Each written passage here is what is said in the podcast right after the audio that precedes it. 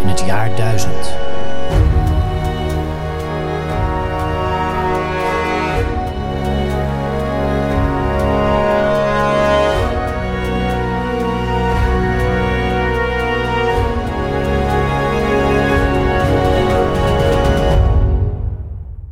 In het Rijksmuseum van Oudheden in Leiden is vanaf 13 oktober 2023 de tentoonstelling Het jaar 1000 te zien.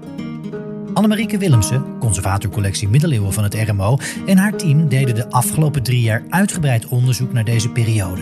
Ook wel het midden van de middeleeuwen. En ze nemen ons in deze vierdelige podcastserie mee tijdens hun ontdekkingsreis. In de vierde en laatste aflevering van de serie bieden ze ons een venster op de wereld in het midden van de middeleeuwen.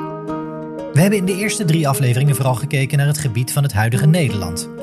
Dat is ook een bewuste keuze. Een bewuste keuze voor de verhalen in de tentoonstelling ook. Maar er is meer. Annemarieke Willemsen neemt ons mee in dat proces achter de schermen. De tentoonstelling heeft als uitgangspunt het grondgebied van het huidige Nederland in context. Tussen 900 en 1100 na Christus. Het is dus onvermijdelijk dat je vanuit Nederland kijkt. Vanuit een Nederland van duizend jaar geleden. Dat is ook de bedoeling. Dat is ook iets wat onbekend is en wat we graag willen laten zien. Daarna kijkend blijkt dat zij weer, de mensen in die tijd, in duizend jaar geleden in het huidige Nederland, een, een veel groter perspectief hebben, deel uitmaken van een grotere wereld.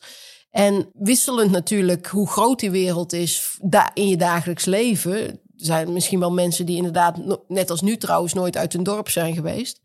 Of in ieder geval niet uit Nederland. Maar er zijn ook mensen die grotere reizen hebben gemaakt. En los van of ze die reizen wel of niet hebben gemaakt, eh, is er, vrij, is er een kennis van netwerken, van uh, handelsnetwerken, van producten van andere religies, dat soort dingen, dan de andere, dan anders dan de christelijke. Dus op zich is dat je kijkt vanuit het huidige Nederland, is niet het probleem, je, zolang je realiseert dat daar het niet ophoudt. Dus het is een vertrekpunt en geen eindpunt. Ik denk dat dat belangrijk is. En ja, een aantal is, zijn ook echt realiteit voor mensen van die tijd. Rome is wel echt een ding, zeg maar. En dat is op een bepaalde manier natuurlijk ook Jeruzalem is een, een, een bekende plek. Uh, Santiago uh, in, in Spanje is een, een bekende plek. Constantinopel zal uh, beslist de, de roep hebben gehad voor mensen. Het beeld wellicht hebben opgeroepen. Wat, wat het nu nog bij veel mensen doet. Die bij Istanbul toch denken aan het Topkapi-paleis. En, en dat zijn natuurlijk dingen uit, uit deze periode aan het Byzantijnse Hof. Dus dat, dat, dat zijn wel echt dingen waarvan ze weten. En Andersom, we, we, laten op de tentoonstelling bijvoorbeeld een muntschat zien die gevonden is in Karelië. Dat is een streek zeg maar, op de grens van Finland en Rusland, waar allemaal Friese munten in zitten. En dat hebben zij beslist gezien, zoals wij kunnen zien nu dat het iets een Portugese munt is en niet een Nederlandse. Kun je aan die munten prima zien dat die uh, Fries is en niet Russisch. Dus de rijkwijde van bijvoorbeeld handgeld, maar ook verhandelbare, nou, noem eens iets, kruiden, uh, zijde, uh, edelstenen, al dat soort dingen. Wat we die zijderoutes die door dat hele grote oostelijke deel van Europa, zeker als je geen Mercator-projectie gebruikt. Dus een kaart van de wereld met de landmassa's zoals ze zijn. De, die zijderoutes lopen daar dwars doorheen. En daarmee, hè, dat is dat de verhaal van kamelen, maar wat ze allemaal meebrengen, dat is hier, je ziet dat in alle kerkschatten zie je die spulletjes terug die via die enorme routes zijn, eh, zijn gekomen. En dat zijn objecten die getoond werden, hè, dus die mensen hebben gezien. Dus ik denk dat eurocentrisme, dus kijken vanuit Europa of Neerlandocentrisme, kijken vanuit Nederland of Hollandocentrisme hebben we ook nog, dat je echt alleen maar vanuit, nou ja, de, laten we zeggen, de middeleeuwse equivalent van de Randstad kijkt is denk ik onvermijdelijk als je daar zelf een product van bent. Maar je kunt je volgens mij heel goed bewust zijn van de relativiteit daarvan. En uh, je laten verrassen. En aan mijn part, en dan ga je een beetje duizend in nachten, maar goed, betoveren door die andere werelden.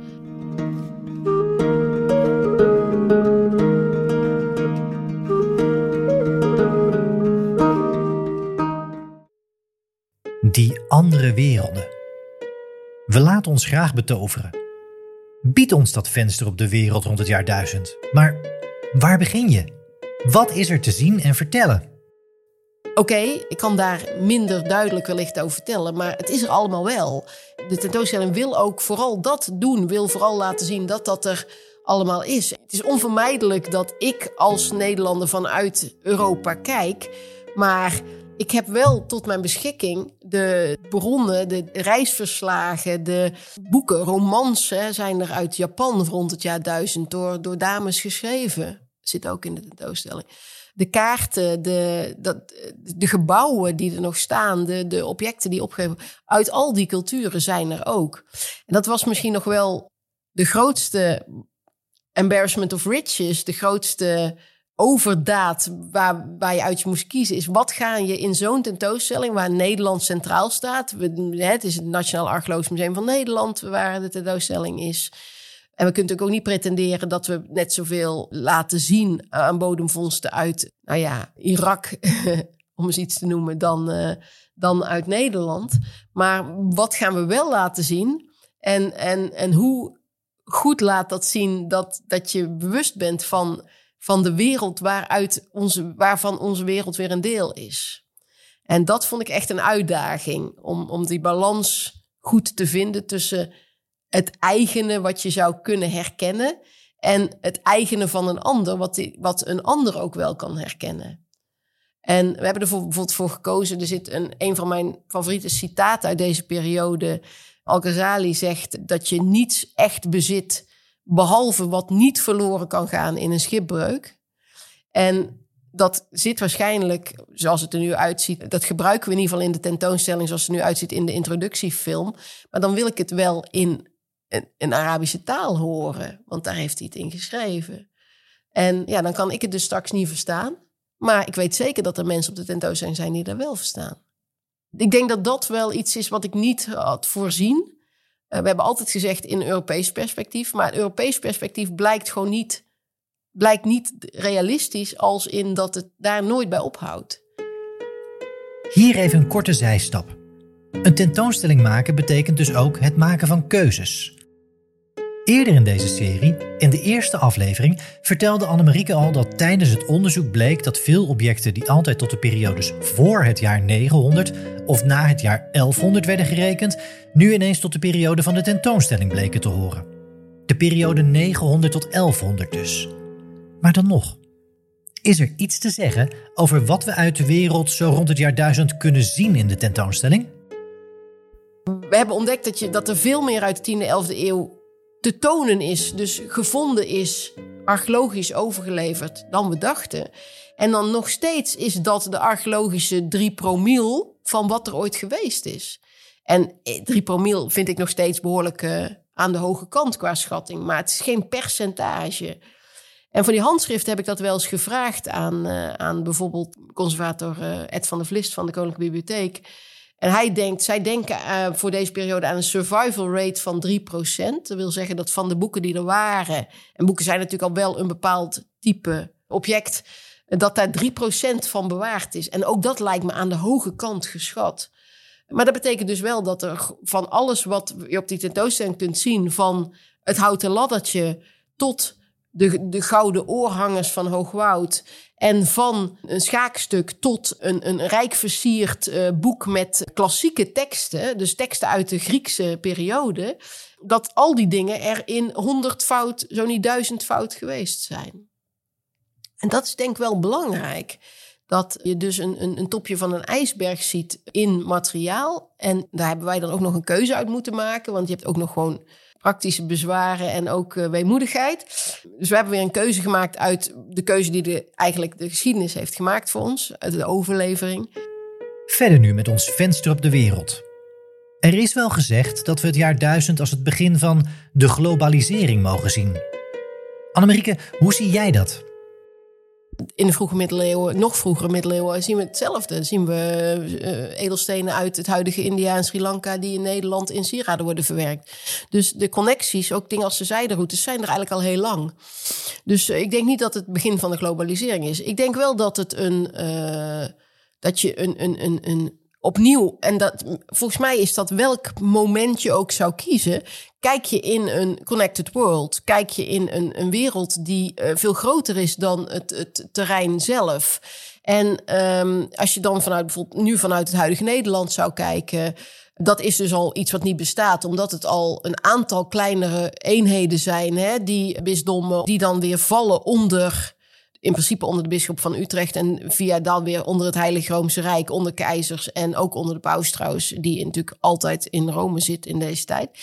Nederland is het huidige Nederland is helemaal natuurlijk niet zo groot om te beginnen. En ook dat Heilige Roomse Rijk, dat is al veel groter. Met het hele huidige Duitsland, een stuk van Polen. En dan nog dat ziet er eigenlijk al best wel groot uit als je kijkt naar een huidige wereldkaart. Maar dat is of een kaart van Europa, of nou nee, laten we zeggen een wereldkaart. Want onze wereldkaarten zijn eigenlijk allemaal vanuit het Westen bekeken. Zijn allemaal met een wat een Mercator-projectie heet. Dus in de 16e eeuw door Mercator uit Antwerpen geprojecteerd op een wereld waarbij Europa nadrukkelijk centraal staat. En dat betekent, omdat de wereld een bol is, dat de gebieden daaromheen uh, heel erg vervormen. En zo gauw je een andere projectie van de wereld bekijkt, valt op hoe groot bijvoorbeeld Rusland is. Het huidige Rusland. Een enorm gebied is.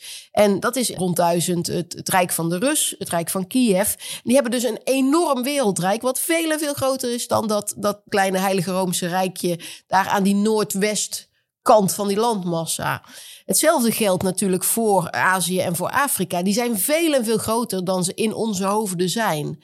En mensen schatten dus bijvoorbeeld landen in Afrika ook altijd heel klein in, omdat ze zo gewend zijn om naar een kaart te kijken die Europa centraal stelt. Dus dat is van belang.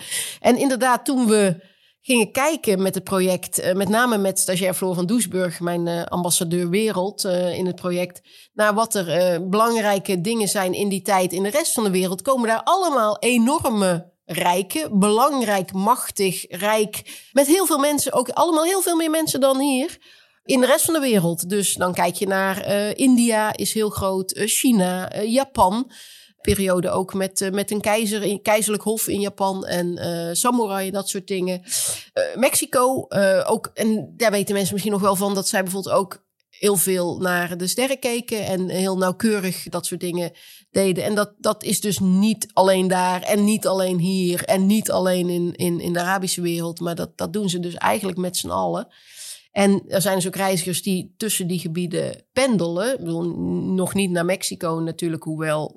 In ieder geval, dat wil niet zeggen dat er geen, uh, geen kennis verspreid raakt. Dat is ook een misverstand. Als jij niet van A naar B gaat, dat niet iets met tussenpozen wel van A naar B kan komen, al is het alleen maar kennis.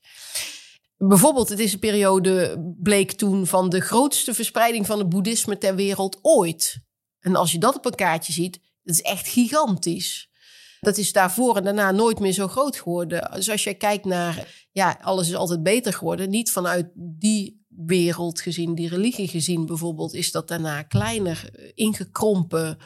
En ook natuurlijk, uh, ja, het huidige Iran is, is die gebieden, de Arabische wereld, daar zitten steden met, uh, met honderdduizenden, misschien wel een miljoen inwoners. Dat is er in Europa natuurlijk helemaal niet. Hè, de, de meest recente schattingen voor, uh, voor um, voor Rome rond het jaar 1000 zijn ja, tussen de 15 en de 25.000 inwoners. En dat is wel echt een grote stad en ook een belangrijk machtspunt. Dat betekent ook dus dat je naar dunner bevolkt gebied kijkt. En dat, we weten allemaal dat dat niet per se een nadeel is. Dus de wereld is eigenlijk altijd groter geweest dan. Dus dat is niet iets wat in de renaissance is gebeurd, of wat met de komst van de vliegtuigen is gebeurd, of met de komst van internet. Dat is ook al, ja, ook al veel eerder, is die, is die, ken, kennen ze die wereld uh, wel. Al meerdere keren tijdens deze serie spraken Annemarieke en haar team over een connected world. Een wereld die met elkaar in verbinding staat in de periode 900 tot 1100. Maar hoe werkt dat precies? Zijn daar voorbeelden van te geven? Van die wereld vol verbindingen in kaart brengen als wetenschapper? We kunnen bijvoorbeeld uit de archeologische vondsten van uh, allerlei uh, producten langs de Afrikaanse kusten bijvoorbeeld zien dat zij de contacten die zij hadden, die, die blijken daaruit. En dus ook dat daar reizigers zijn geweest. Nou ja, uit, uit bijvoorbeeld Al-Andalus. Dat is natuurlijk dan wat, wat nu Zuid-Spanje is. Uh, natuurlijk een nadrukkelijke connectie met, met via Noord Afrika met de rest van Afrika had. En dat wordt heel vaak natuurlijk, uh, ja, daar komt het goud vandaan en daar komt deels ook wel goud vandaan. Maar daar is natuurlijk veel meer gebeurd. En het Midden-Oosten, het huidige Midden-Oosten, dat, dat is naar, al, naar die, al die kanten uh, is die. Hè, wij zeggen de Arabische kennis komt in de westerse wereld binnen, maar die Arabische kennis komt ook in bijvoorbeeld China binnen. En Chinese kennis, Japanse kennis hebben wij veel, nog veel minder goed in beeld. Kijk, de Arabische boeken uit de 11e eeuw kan ik zelf al niet lezen. Maar we kennen natuurlijk wel gewoon veel mensen die die kunnen lezen. Maar ook ken, in Nederland kennen we weer relatief minder mensen direct in onze eigen omgeving. die bijvoorbeeld de Koreaanse bronnen uit de 10e eeuw of de 11e eeuw kunnen lezen. Terwijl die er wel zijn.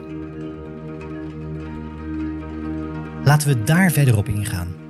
Onderzoek doen naar die connected world. We pakken er voor deze aflevering van de podcast drie voorbeelden uit. Onderwerpen die ook in de tentoonstelling te zien zijn. Annemarieke noemde hem al als ambassadeur wereld, maar we maken nu echt kennis met Floor van Doesburg. Ik ben Floor van Doesburg. Ik werk mee als projectmedewerker aan het jaar 1000, voornamelijk gericht op wat er in de rest van de wereld gebeurt. Om de vraag toch nog maar eens te stellen, waarom eigenlijk de rest van de wereld binnen dit onderzoek? Nou, sowieso is het altijd belangrijk om in een bredere context te kijken. De landsgrenzen die wij nu kennen, die, die bestaan niet in die tijd. En zowel in, in handel, in de reizen die mensen maken en de kennis die, die gedeeld wordt, dat komt niet alleen uit, uit West-Europa, maar juist ook uit, uh, uit andere delen van de wereld. En het is daarom ook belangrijk om die bredere context terug te kunnen zien en daarmee beter te begrijpen wat er, wat er precies speelt en wat er gebeurt. Duidelijk. We richten ons nu op een gebied waar Floor zich voornamelijk in heeft verdiept binnen zijn eigen onderzoek. Mapungubwe. Of meer specifiek het Koninkrijk van Mapungubwe in Zuidelijk Afrika. Dit rijk kende een bloeiperiode in de 10e en de 11e eeuw en controleerde de handelsroutes in delen van het huidige Zuid-Afrika en Zimbabwe. Floor, zou je wat meer over je eigen onderzoek kunnen vertellen? Mijn specialisatie wat materiaal betreft is kralen. En uh, dat is een enorme belangrijke marker ook voor de handel die, uh, die tussen de, de gebieden plaatsvindt. Er worden heel veel glazen kralen vanuit Indonesië en vanuit India geïmporteerd en die komen in Mapungubwe terecht. Dat glas, daar zijn uh, indicaties voor dat dat ook geproduceerd is in het Midden-Oosten, in West-Azië. En vanuit daar naar Indonesië gaat en dan naar India gaat daar in kralen geproduceerd wordt en dan geëxporteerd wordt naar Zuidelijk Afrika. En dat gebeurt vanaf eind 9e eeuw, begin 10e eeuw. En dat was voor mij een realisatie dat, dat de wereld veel groter is in die tijd dan dat we ooit wisten. We wisten het wel, maar dat we misschien ons ooit realiseerden. Ik denk dat dat ook heel erg spreekt voor wat er in de rest van de wereld gebeurt. Sowieso het jaar 1000 is een moment dat de hele wereld zich steeds meer met elkaar verbindt. En zo'n voorbeeld, en dat gebeurt onder andere door handel. Dat hoeft niet alleen, de, dat hoeft niet de, de grootste bewegingsfactor te zijn, maar het is wel een, een mooi voorbeeld over ook hoe de hele wereld veel meer verbonden met elkaar is dan dat we mogelijk dachten over die periode. En dat laat ook weer zien dat die bredere context eigenlijk altijd heel erg nodig is om te begrijpen. Omdat je door die verbindenis juist heel erg dat, dat gebieden niet los van elkaar kunnen, gezien kunnen worden. We zoomen verder in. Floor beschrijft hoe en wat voor effect handelsroutes kunnen hebben op de lokale ontwikkeling van bijvoorbeeld taal, ook rond het jaar 1000. Mijn specialisatie zelf binnen de archeologie ligt in, in Zuid- en Zuidoost-Afrika. En dan gericht op kralen die eh, verhandeld worden, die geïmporteerd worden uit andere gebieden.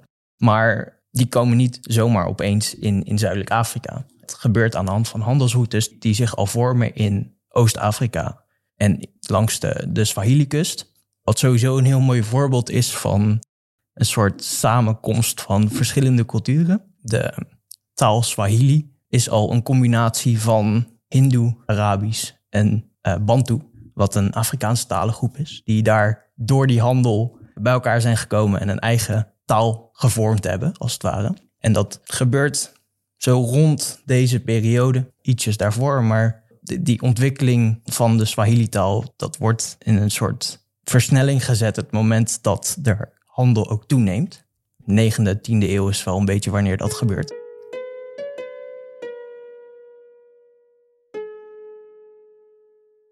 Verder nu met Mapungubwe. Floor neemt ons verder mee in wat we weten over de hoofdstad van het koninkrijk, waarover hij al eerder sprak. Het koninkrijk is vernoemd naar de hoofdstad. Hoe Mapungubwe er eigenlijk uitziet is een, een heuvel met daarom, eh, voornamelijk op eigenlijk, ongemetselde stenen muren. En dit wordt gelinkt aan de elite die in de stad woonde. Het is een beetje de vraag of het nou een koning is geweest of hoe het politieke landschap daaruit zag. Dat is een, een vrij heftige discussie die nu gehouden wordt onder academici. Maar we weten dat er een elite woonde en die woonde op een verhoging op de heuvel. En daar vinden we ook best wel veel goudmateriaal terug. Wat uit de goudmijnen komt in de buurt van, van de stad. En dat goud is een van de belangrijkste exportproducten geweest voor de stad zelf. En is ook vrij gelimiteerd aan alleen de elite zelf. Dus dat is, wordt wel vrij sterk gecontroleerd in die regio. En uh, ja, verder is het lastig om te zeggen wat precies voor de non-elite, dus de, de, de, gewone mens, tussen aanhalingstekens, hoe het leven daar was. Er is wel onderzoek geweest buiten de heuvelcomplexen, maar, of buiten het heuvelcomplex, maar nog niet heel veel. En het is hoogstwaarschijnlijk zo dat er best wel veel mensen zo rond de heuvel woonden. Omdat er veel, uh, veel vloeren terug zijn gevonden. Tot zover Mapungubwe en het zuidoostelijke deel van Afrika. We zoomen wat verder uit en gaan kijken naar het continent Afrika. Annemarieke Willemsen haalde het eerder al aan. Mensen in het Westen hebben de neiging, afhankelijk van het soort kaart van de wereld waar je naar gewend bent te kijken, om Afrika als klein te zien. Of misschien om Afrika als één land te beschouwen. Maar Afrika is enorm. En in die periode, 900 tot 1100, ontstonden en bloeiden er ook verschillende interessante rijken op het continent. Floor geeft een overzicht. Wel wederom met handel als belangrijke rode draad door zijn betoog. Je hebt ook West-Afrika waar enorm veel belangrijke handelsplaatsen liggen, maar ook hele belangrijke rijken. En daar vind je het Ghanese Rijk, je vindt het Rijk van Ife-Ife, je vindt het Rijk van Gao, wat een, een belangrijke staat is die handel drijft over de Sahara heen. Waar je toch best wel gespecialiseerd voor moet zijn, want het is best wel een moeilijke, moeilijk stuk om doorheen te komen. In het noorden van Afrika vind je, het noorden en noordoosten vind je het Fatimitische Rijk, wat zich vestigt in Egypte. Je hebt Kanem wat een, een belangrijke, belangrijk rijk is in wat nu Tjaad genoemd wordt. Dus Afrika is ook niet. Ik, ik ben dan zelf gespecialiseerd in Mapungub en ik vind dat zelf ook een van de meest interessante regio's voor ja, wat Afrika betreft en de geschiedenis van Afrika betreft. Maar ook in het verleden zie je dat Afrika niet te linken is aan één land of aan één regio, maar dat het juist een hele grote groep, uh, het is een heel groot continent waarin in heel veel verschillende gebieden ook heel veel verschillende rijken ontstaan, die hun eigen uh, samenlevingen vormen met, met een eigen cultuur, met een eigen materiële cultuur, maar wel eigenlijk altijd met elkaar verbonden zijn. En dat is voornamelijk door handel. Handel blijft dus terugkomen. Maar hoe moeten we ons dat voorstellen, zo rond het jaar 1000? Handel is sowieso in, in die periode niet één persoon die hè, meteen het hele Afrikaanse continent af, afreist. Handel uh, gebeurt heel veel aan de hand van tussenstops op markten, waarbij een bepaalde handelaar een bepaalde route heel goed kent en dat stuk dan aflegt. En zeker de, de, de handel die over de Sahara heen gaat, is, is daar een heel mooi voorbeeld van, omdat dat niet. Dat, dat, een stuk woestijn is niet zomaar iets wat je, wat je door kunt steken. Dus daar moet je best wel een gespecialiseerde kennis voor hebben om dat te kunnen doen.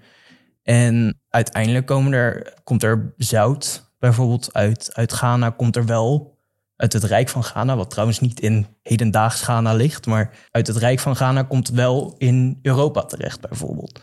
En eh, goud ook een belangrijke wat ook in Europa terechtkomt. Dus het reikt wel ver. Uh, hoe ver dat uiteindelijk is, is lastig aan te duiden. Maar zeker onder islamitisch bewind in Spanje vinden we heel veel goud ook terug wat meer uit, uit islamitische landen uit Afrika komt.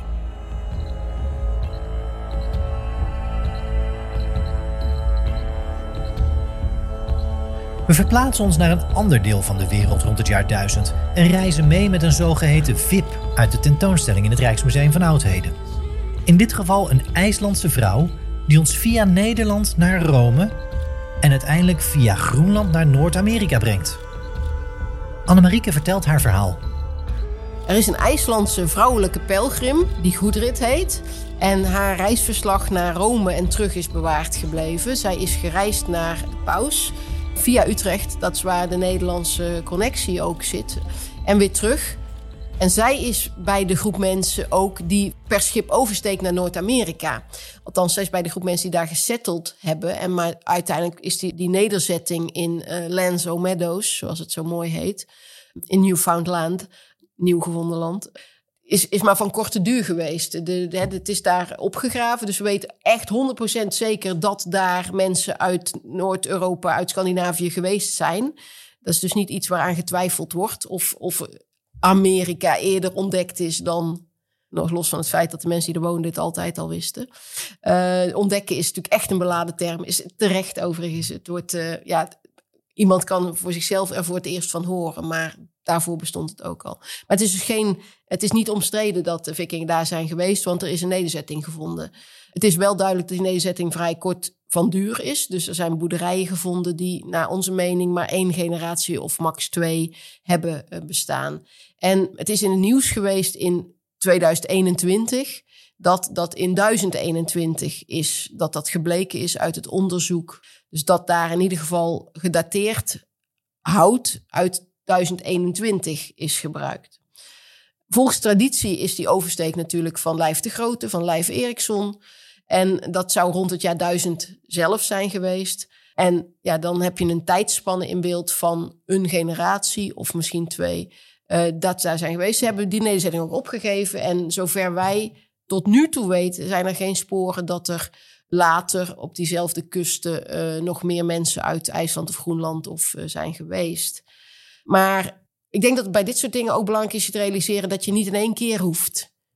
Je hoeft niet in één keer over te varen. Die, hè, die vikingen, wat natuurlijk ook, laten we zeggen, Scandinavische groepen uh, zijn. Vaak groepen jonge mannen ook trouwens. Jonge mannen die nog een hoop te winnen hebben en wellicht een beetje zucht voor avontuur. En vooral nog niet te veel te verliezen hebben thuis.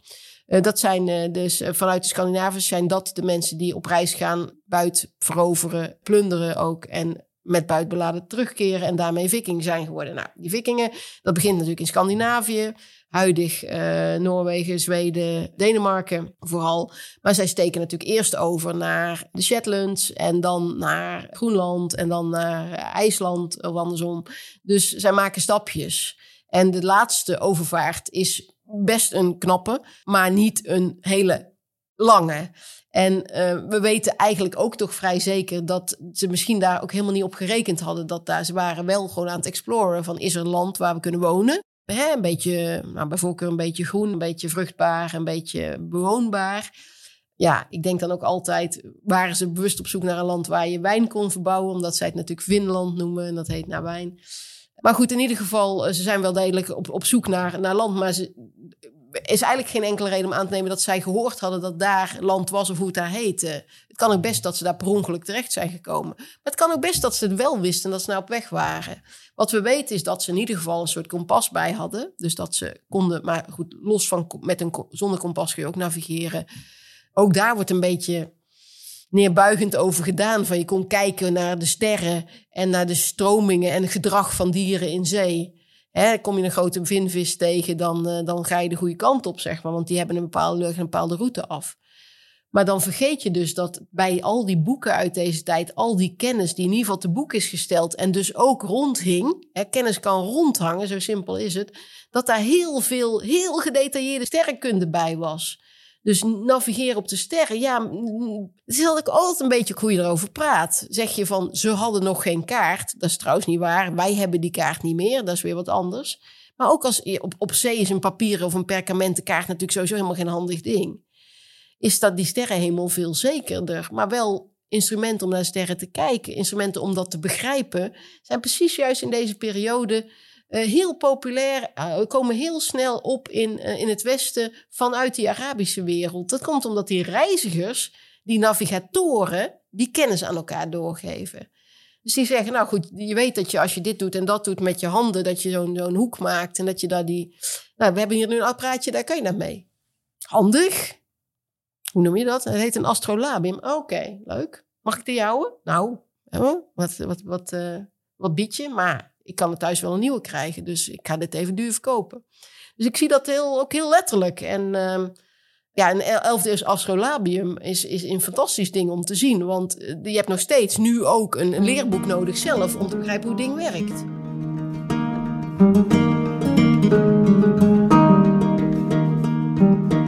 Het begrip VIP kwam al voorbij. Enkele historische personen die te vinden zijn in de tentoonstelling in Leiden. We hebben het in deze aflevering over het venster op de wereld. Floor nam ons al mee naar Afrika en Annemieke met Goedrit naar Noord-Amerika. We beloofden ook een derde onderwerp. Nu introduceert Annemieke een VIP waarin veel verhalen en inzichten uit deze hele podcastserie en uit het onderzoek van Annemieke en haar team samenkomen. Op zich is wat ik dan weer leuk vind, is dat we ook die mensen, hè, laten we zeggen de VIP's uit die tijd, die je ook uit alle landen van de wereld natuurlijk hebt, dat, je die, dat die vaak die werelden heel erg in zich verenigen. Op een manier die wij ons toch nauwelijks kunnen voorstellen. En een van mijn favoriete figuren daarin is Gerbert d'Aurillac. Dat is een Franse herdersjongen. Die wordt opgevoed bij de Benedictijnen in een klooster. En die gaat reizen. En die reist vooral in de Arabische wereld. En die heeft veel kennis over de. Over het, ja, wij zeggen over de abacus, maar het is eigenlijk vooral het tellen zonder abacus. Dus, dus tellen met, uh, met Arabische cijfers naar het Westen gebracht. Heeft hij traktaten over geschreven zelf, maar ook dat astrolabium, het gebruik daarvan. En ja, het is misschien al verrassend dat je een, een monnik Arabische kennis over geometrie en wiskunde en, en sterren ziet vertalen. Maar nog spannender wordt het als je weet dat hij bisschop van Ravenna is geworden en vervolgens paus in Rome. Hij is de paus in het jaar 1000, Sylvester II. Zijn achtergrond is dus vanuit klooster reizend Arabische wereld, zelf Arabisch uh, geleerd of mee vertaald, traktaten en dan vervolgens toch paus, waarvan wij denken dat is een heel ander soort functie. En in deze tijd is dat dus verenigt zo'n persoon, zo'n Sylvester II, dus dat al helemaal in zich. En ja, dan kan je dus in, dat heb ik gedaan, in de Vaticaanse bibliotheek in Rome, kun je um, traktaten zien die, door, die daar bewaard zijn, omdat ze door de, een paus van duizend jaar geleden geschreven zijn, over het gebruik van Arabische cijfers in plaats van Romeinse cijfers. We naderen het einde van onze luisterreis. Annemarieke deed voor deze tentoonstelling en het bijbehorende publieksboek dus onder andere onderzoek in de Vaticaanse bibliotheek. En dat is gaaf. Net als de boeken en andere objecten waar je dan mee mag werken. Ja, maar het is sowieso, ja, dat is, ja, een boek van duizend jaar oud is, is, is een heel gaaf ding. Gewoon om te beseffen, niet alleen dat het mooi kan zijn, maar ook omdat mensen het in handen hebben gehad. En niet alleen duizend jaar geleden, toen het geschreven is en gebruikt, maar ook in de periode daartussen. Dat vind ik altijd leuk. Dus boeken hebben gebruikssporen van uh, een heleboel mensen die, die het eigenlijk ook hebben mogelijk gemaakt dat het boek er nog is, zeg maar. En vaak weten we dat ook, hè, van wie de boeken heeft, uh, heeft gehad. Dus uh, echt ook bibliothecarissen van hele belangrijke collecties zeggen... zet vooral je naam in een boek als je het koopt en de aankoopdatum. Want weet je, de toekomstige ja, we hebben dat inderdaad. Een van de boeken in, in de tentoonstelling is het Evangeliarium van Egmond. Uh, het E van E, zoals ze het daar graag noemen bij de Koninklijke Bibliotheek in Den Haag, waar het bewaard is. Een van toch wel de belangrijkste boeken voor Nederland, althans uit uh, de periode rond het jaar 1000. Maar daar is onder andere in de 11e eeuw ingeschreven dat het op dat moment in het klooster in Egmond was. Daarom heet het ook het Evangeliarium, dus het Evangelieboek van Egmond. Uh, maar ook nog in de 16e eeuw is daar nog iemand heeft er iets ingeschreven. Dus dan weten we ook dat dat boek daar nog is. En uh, als je het echt op je tafel hebt en je mag erin bladeren, dan uh, ja, merk je ook dat zo'n boek heel, heel tactiel is. Dus heel erg, het is heel erg, je voelt waar mensen het vaak hebben vastgepakt, is welke stukken het meest gebruikt zijn.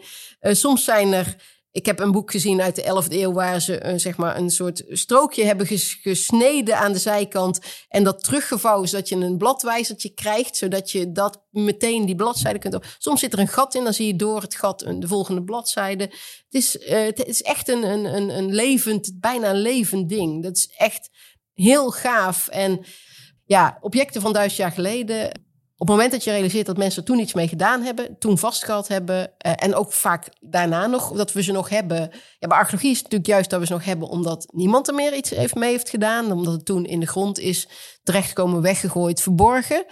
Dat ze het niet meer wilden hebben, niet meer nodig hadden, of uh, hoopten het later nog eens een keer te kunnen komen opgraven. En dat is niet gelukt. Dat even samengevat.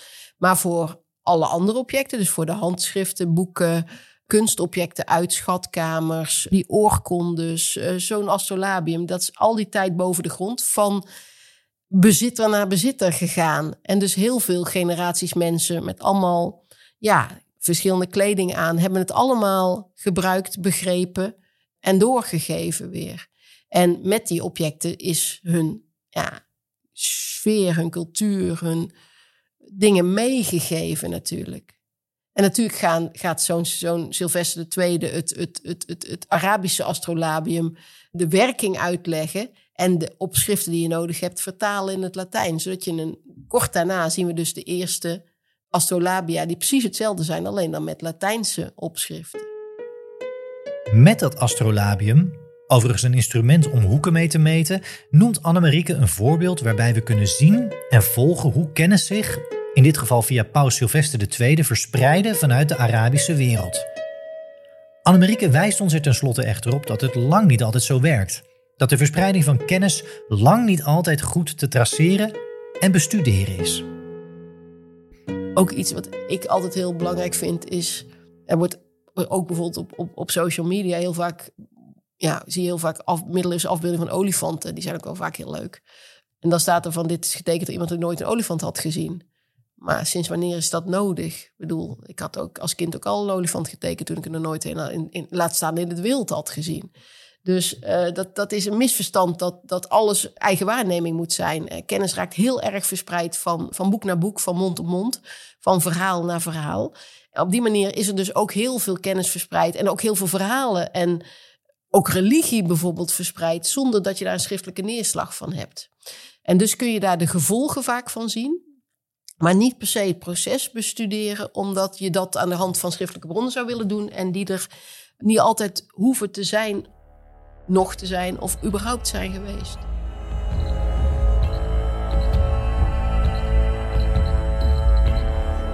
Mensen verplaatsen zich. En met mensen verplaatsen ook ideeën, kennis, religie, muziek, objecten en zoveel meer zich over de wereld. Hoe dat werkte en onderzocht wordt, wat daarbij de uitdagingen zijn en wat het op heeft geleverd aan kennis, hebben Annemarieke en haar team in deze serie uitvoerig met ons gedeeld. Hopelijk was dit ook voor jou een mooie, leerzame ervaring.